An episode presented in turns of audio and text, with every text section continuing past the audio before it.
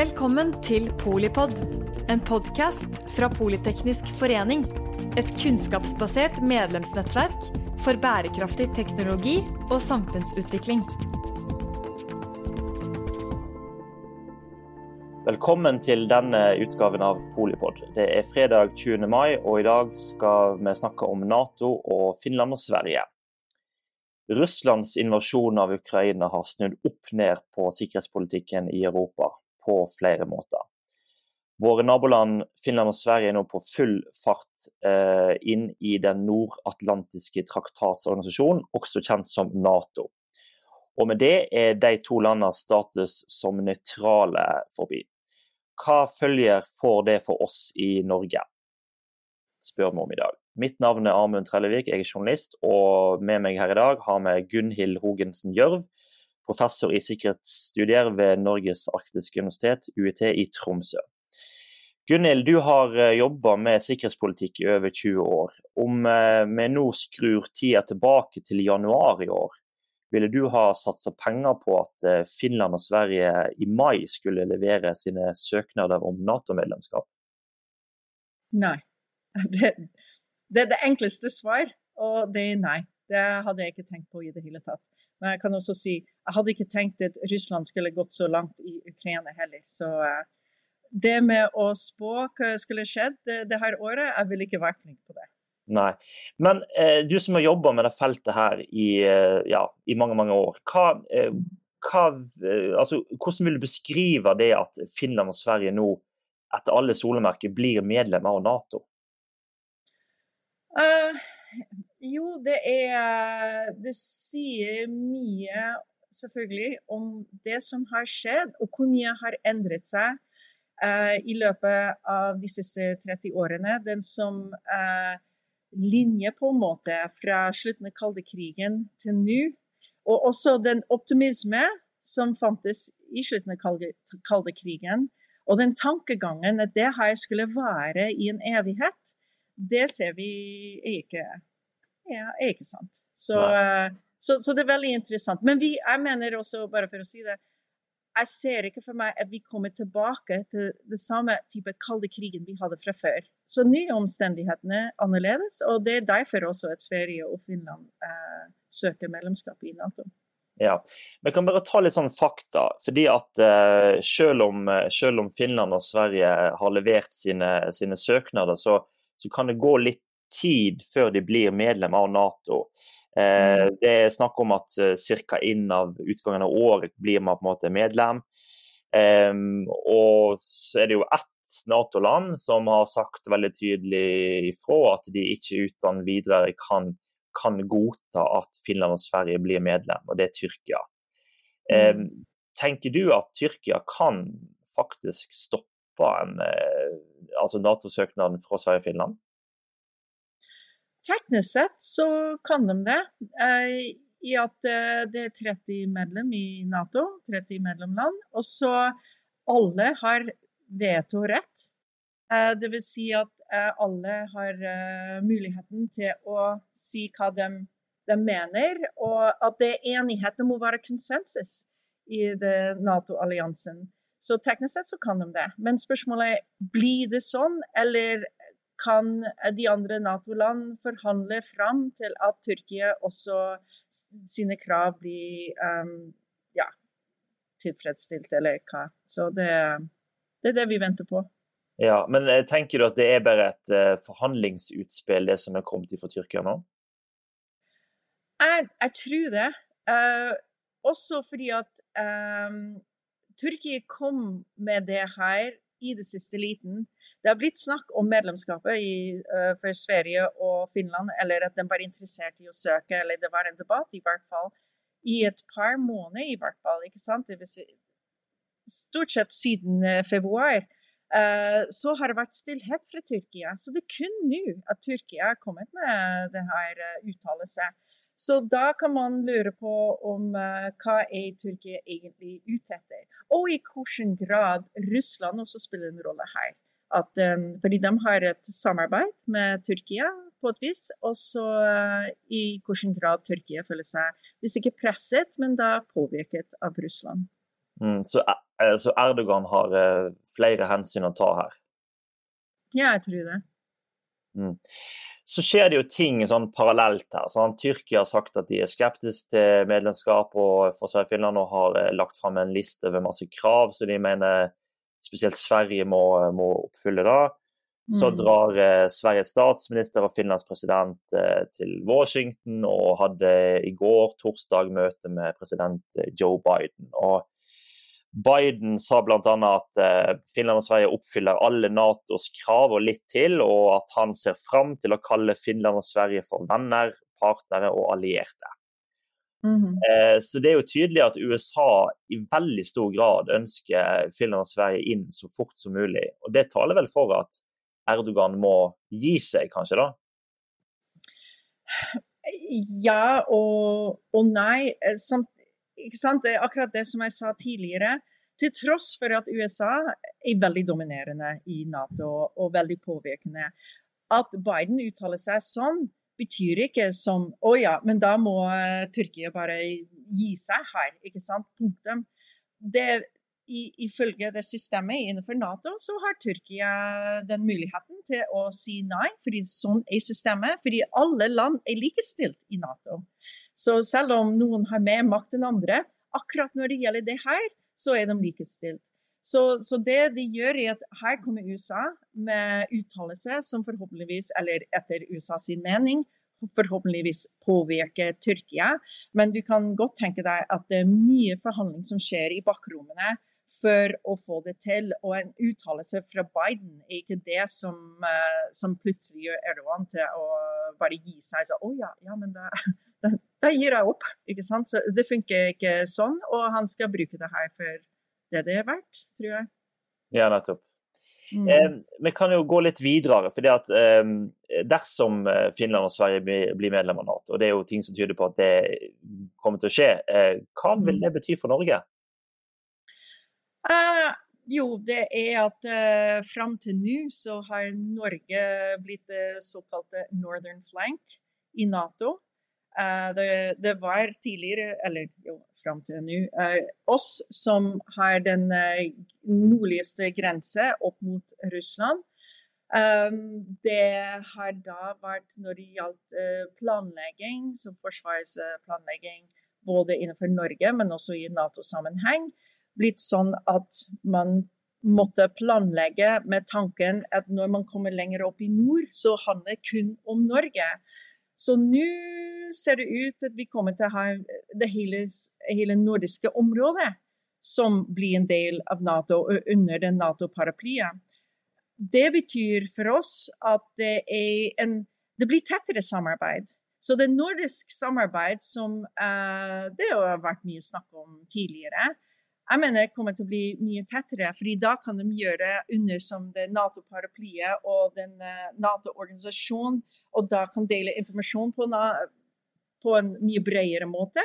Og så kan uh, samarbeide på en mye tettere måte.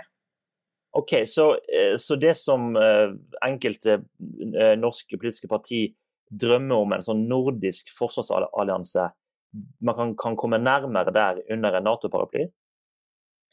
Uh, egentlig, jeg, jeg, tror det. Um, det, det, er viktig å, å tenke at uh, så de styrkene som befinner seg i de nordiske land, de, de blir der. ikke sant? Så det blir ikke noe endring plutselig. Og det er ikke sånn at det plutselig kommer amerikanske baser eller noe sånt. Så jeg mener at det, det blir stort sett det samme, men symbolsk blir det annerledes fordi alle er under den Nato-paraplyet. Og så gjør det bare lettere, men kanskje mer kompleks, fordi nå uh, planleggingen uh, fra den nordiske um, situasjonen skal inkludere, som sagt, tettere som samarbeid og planlegging på tvers av det hele nordiske området. Så det blir interessant, men jeg, jeg mener det skal føre til tettere samarbeid i, i Norden. Mm. Um, I Norge så er det jo eh, både Nato-øvelser og eh, spesielt amerikanske soldater eh, mm. i, eh, som både driver med trening, eh, og som eh, også på sikt skal innlosjeres på disse fire planlagte basene, eller omforente mm. områdene, som man kaller det. Mm. Kan, kan, Sverige og Finland også få slike områder, tenker du, med et Nato-medlemskap? At amerikanske styrker blir stasjonert der på eh, permanent og upermanent basis? Uh, nei, for det første, det er ikke pålagt at uh, det må være amerikanere på, uh, på, bakken i de forskjellige land. og at de, i den norske sammenhengen så Selvfølgelig, det, det, er litt snakk om definisjon, men det er ikke permanente baser. Det er ikke amerikanske baser, men det er der amerikanere er deployert. Så hva man mener om det, det er en annen sak. Men man skal ikke prøve å blande eller forvirre den saken at det her er permanente baser, fordi det er ikke det. Og det er opp til hvert land hva, hva slags bidrag de, de, skal ha.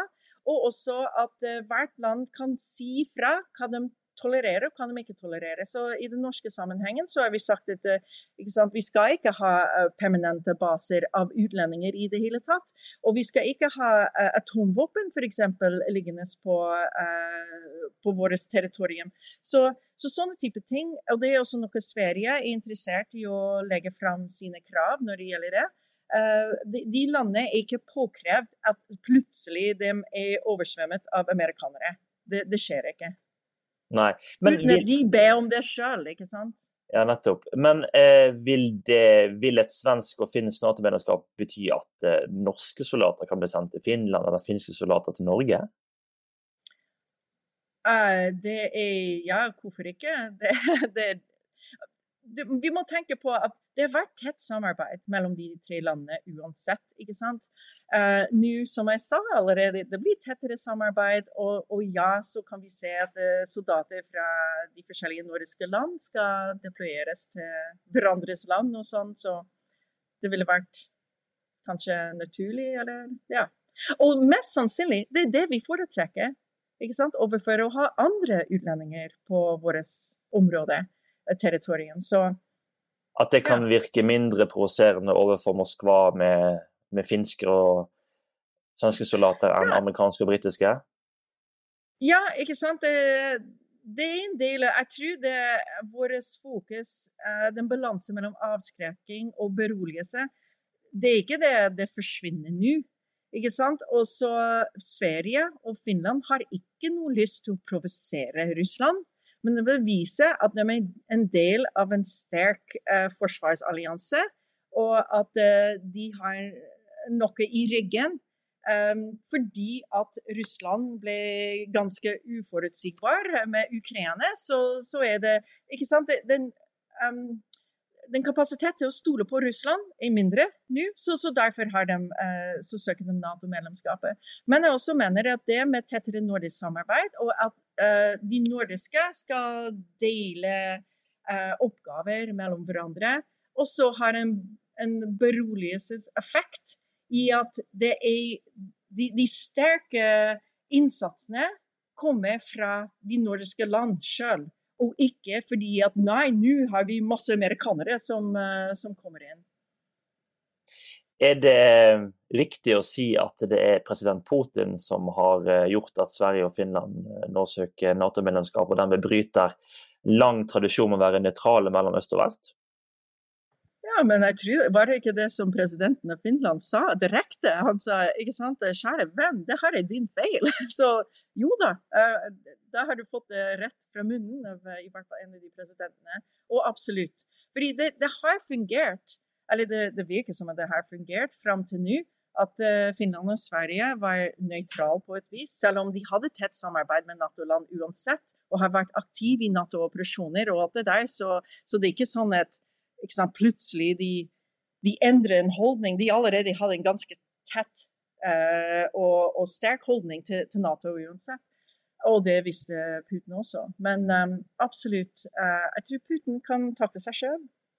Ja, Men når, når, eh, når Putin sier at, eh, at, et svensk og finsk Nato-medlemskap vil, vil, vil, være en trussel for sikkerheten i Europa altså, Det er kanskje litt sånn rart å høre at han sier det når det er faktisk Russland som har gått til angrepskrig på Ukraina? da? Ikke overraskende. Hva ellers skal han si? Ikke sant? Han, han, skal ikke si ja, vet du hva, vi i Russland vi, vi er det største trussel til Europa. Det skal han ikke innrømme. Men uh, det er bare at han mener, vil jeg tro, at det her kan skape økt spenning mellom Russland og Europa. Men han samtidig har sagt nei, men de medlemmer i Nato skal ikke ha så mye å si. Og så Han kommer inn med kvalifikasjoner ikke? så lenge som de ikke gjør X, Y og Z. Så, og det er mye det her har med samarbeid med USA å gjøre. Men det også har ikke utelukket. at De har hatt bilaterale eh, samarbeidsavtaler med, med USA uansett. Så, så, her er det at det i Nato det er mer symbolsk enn det er at det praktisk sett endrer masse. Hvis du skjønner hva jeg mener. ikke sant? Så, så, det er interessant å se på hvilken måte det her faktisk skal endre noen ting. Og i hvilken grad det her er en fortsettelse av et godt samarbeid som har skjedd allerede, og også opp mot eh, Russland, det forholdet med, med Russland. Fordi det, det, er noen ting som er ikke særlig nytt, men er ny, ny under Nato-paraply, muligens. Sannsynligvis så har jo Moskva også sagt at de ikke har noen eh, terri territorielle krav overfor verken Finland eller, eller Sverige. Da. Så de har prøvd å nedskalere litt denne her eh, situasjonen også, da. Eh, men, mm um, men, altså hvis vi men ser Men de sa det om Ukraina også, husk det. Nei, vi skal ikke invadere Ukraina. Nei, de, de, de, sa vel noe sånn som at de, de ville gjennomføre en spesiell operasjon for å sikre russiske interesser. og Det er vel jo, det de jo, men, er jo, men akkurat før 24. februar så sa de nei, de skal ikke, ikke gjøre det. ikke sant? Og så ikke gå inn til Ukraina dypere enn eh, der de var allerede. Så det er bare det jeg, jeg mener. Men ja, de har et annet forhold til, til Finland og Sverige uansett. Og det har ikke vært tegn at de har vært interessert i territorielle uh, ja, inntrengelse i det hele tatt. Så, så, det er ikke overraskende at han sier det. Nei. Men hvis vi ser litt på, på ulempene her, hva, hva som taler mot at Sverige og Finland bør bli medlem av Nato, tenker du? Jo, det, det er Det som man må være forsiktig med, er å beholde den balanse mellom avskrekking og beroligelse. Så her kan man si, og det er spekulasjoner eh, Hvis man er medlem i Nato, i hvilken grad USA skal prøve å påvirke hva det landet gjør, eller eh, akseptere, eh, og sånne type ting. Så, så det, det, er det Jeg tror det er største ulempe eller utfordring i rollen av USA. Ikke sant? Men uansett, så mange land, til og med Norge, til tross for at vi er Nato-medlem, så har vi bilateralt avtale med USA. Egentlig fordi vi tenker hvis Nato er opptatt i andre deler av verden, så vi har USA i ringen. Så, så det, det er interessant å, å, prøve å tenke på hva slags rolle USA spiller her. Fordi det er det som de fleste mener er den største problem i USA. Men Nato uten USA, hva er det da for, for noe? Og hva slags sikkerhetsgaranti er det? Og det må vi også tenke på, og hva vi egentlig mener om sikkerhet da. Kan man si det at uh hvis man ser på sikkerhetssituasjonen i Europa i dag, eh, det er full krig i Ukraina, atomvåpensupermakten eh, Russland er involvert. Nato-landene fòrer Ukraina med, med våpen, byer blir lagt i grus, sivile blir drept, det er store tap på begge sider. Bør man si at i en sånn situasjon, der sikkerheten er så ustabil og det russiske eh, lederskapet er såpass pressa at man dermed ikke bør provosere Russland, kanskje, med å eh, søke medlemskap for, Sverige og Finland i Nato? Ja, det er et veldig interessant spørsmål. ikke sant? Og, så, og, og her er det en balanse igjen ikke sant? mellom avskrekking og beroligelse, og også hvem kjører programmet, dvs. Si i, uh, i Europa. Um, det er at uh, man skal ikke provosere Russland. Jo, det skal man ikke. Og jeg tror det har vært en god del forsøk til å trappe ned spenningen. Uh, det har det. Men samtidig um, er det viktig, ser det ut, å vise til Russland at Europa legger seg ikke flat når, når Russland bestemmer seg for det de har gjort med Ukraina. Og at, uh... Gunhild, det er krig i Europa. Russland har invadert Ukraina. Russland har atomvåpen som de faktisk har trua med å bruke ved flere tilfeller. Nato-land, inkludert Norge, gir våpen til Ukraina. Situasjonen er veldig ustabil. Hvis man ser det på, måte, på, den måten, taler det imot at Sverige og Finland bør bli medlem av Nato, i og med at man kan presse det russiske regimet lenger opp i et hjørne? Ja, så det er forskjellige måter å, å, tenke på det. Og akkurat i begynnelsen, når krigen først utbrøt, så var det Og også før. Vi så det var mye diskusjon, mye forhandling eh, diplomatiske møter og sånn type ting for å forhindre Russland til å gå inn i Ukraina på den måten de gjør det. Men de gjør det likevel. Eh, og så satt mesteparten av Europa sittende for å se på ja, hva skjer i Ukraina. Og de fleste trodde det skulle gå over i løpet av tre dager. eller noe sånt. Ja, Men det skjedde ikke. Så, så alt det her, de utviklingene som har skjedd angående krigen i Ukraina, har vært fortløpende. og det har vært bare som, Det er ikke planlagt fra begynnelsen. Jo, plutselig går vi inn med, med våpen til Ukraina. Men så så man at ukrainere klarte å kjempe tilbake. Og på et uh, så sterk måte at, um, men de sjøl begynte å miste De brukte opp uh, sine egne verktøy og, og som militær uh, materiell og sånn type ting. Så da begynte den prosessen med å sende dem våpen. Fordi det klarte Det så ut som at ja, de her, de klarer seg. Så hvis um, så heller enn å bare som ligge bak og bare si ja, OK, Russland kan bare ta den her, uh, så har de kjempet. Så det er der vi er. Det her er veldig dynamisk. Det er ikke noe som at det er planlagt, sånn, sånn skal det være. Men så har vi kommet så langt, og Russland har kommet med sånne type trusler med uh, atomvåpen. Uh, samtidig uh, er det mange som satser på Russland har ikke noe selvmordstanke heller, forhåpentligvis. så fordi det blir Vi vet det. Det blir helt ille hvis de krysser den grensen. Men det er fortsatt en høy terskel før noen kommer så langt. Og jeg tror det også gjelder Russland. Eller jeg krysser fingrene. Så blir det provoserende med det her.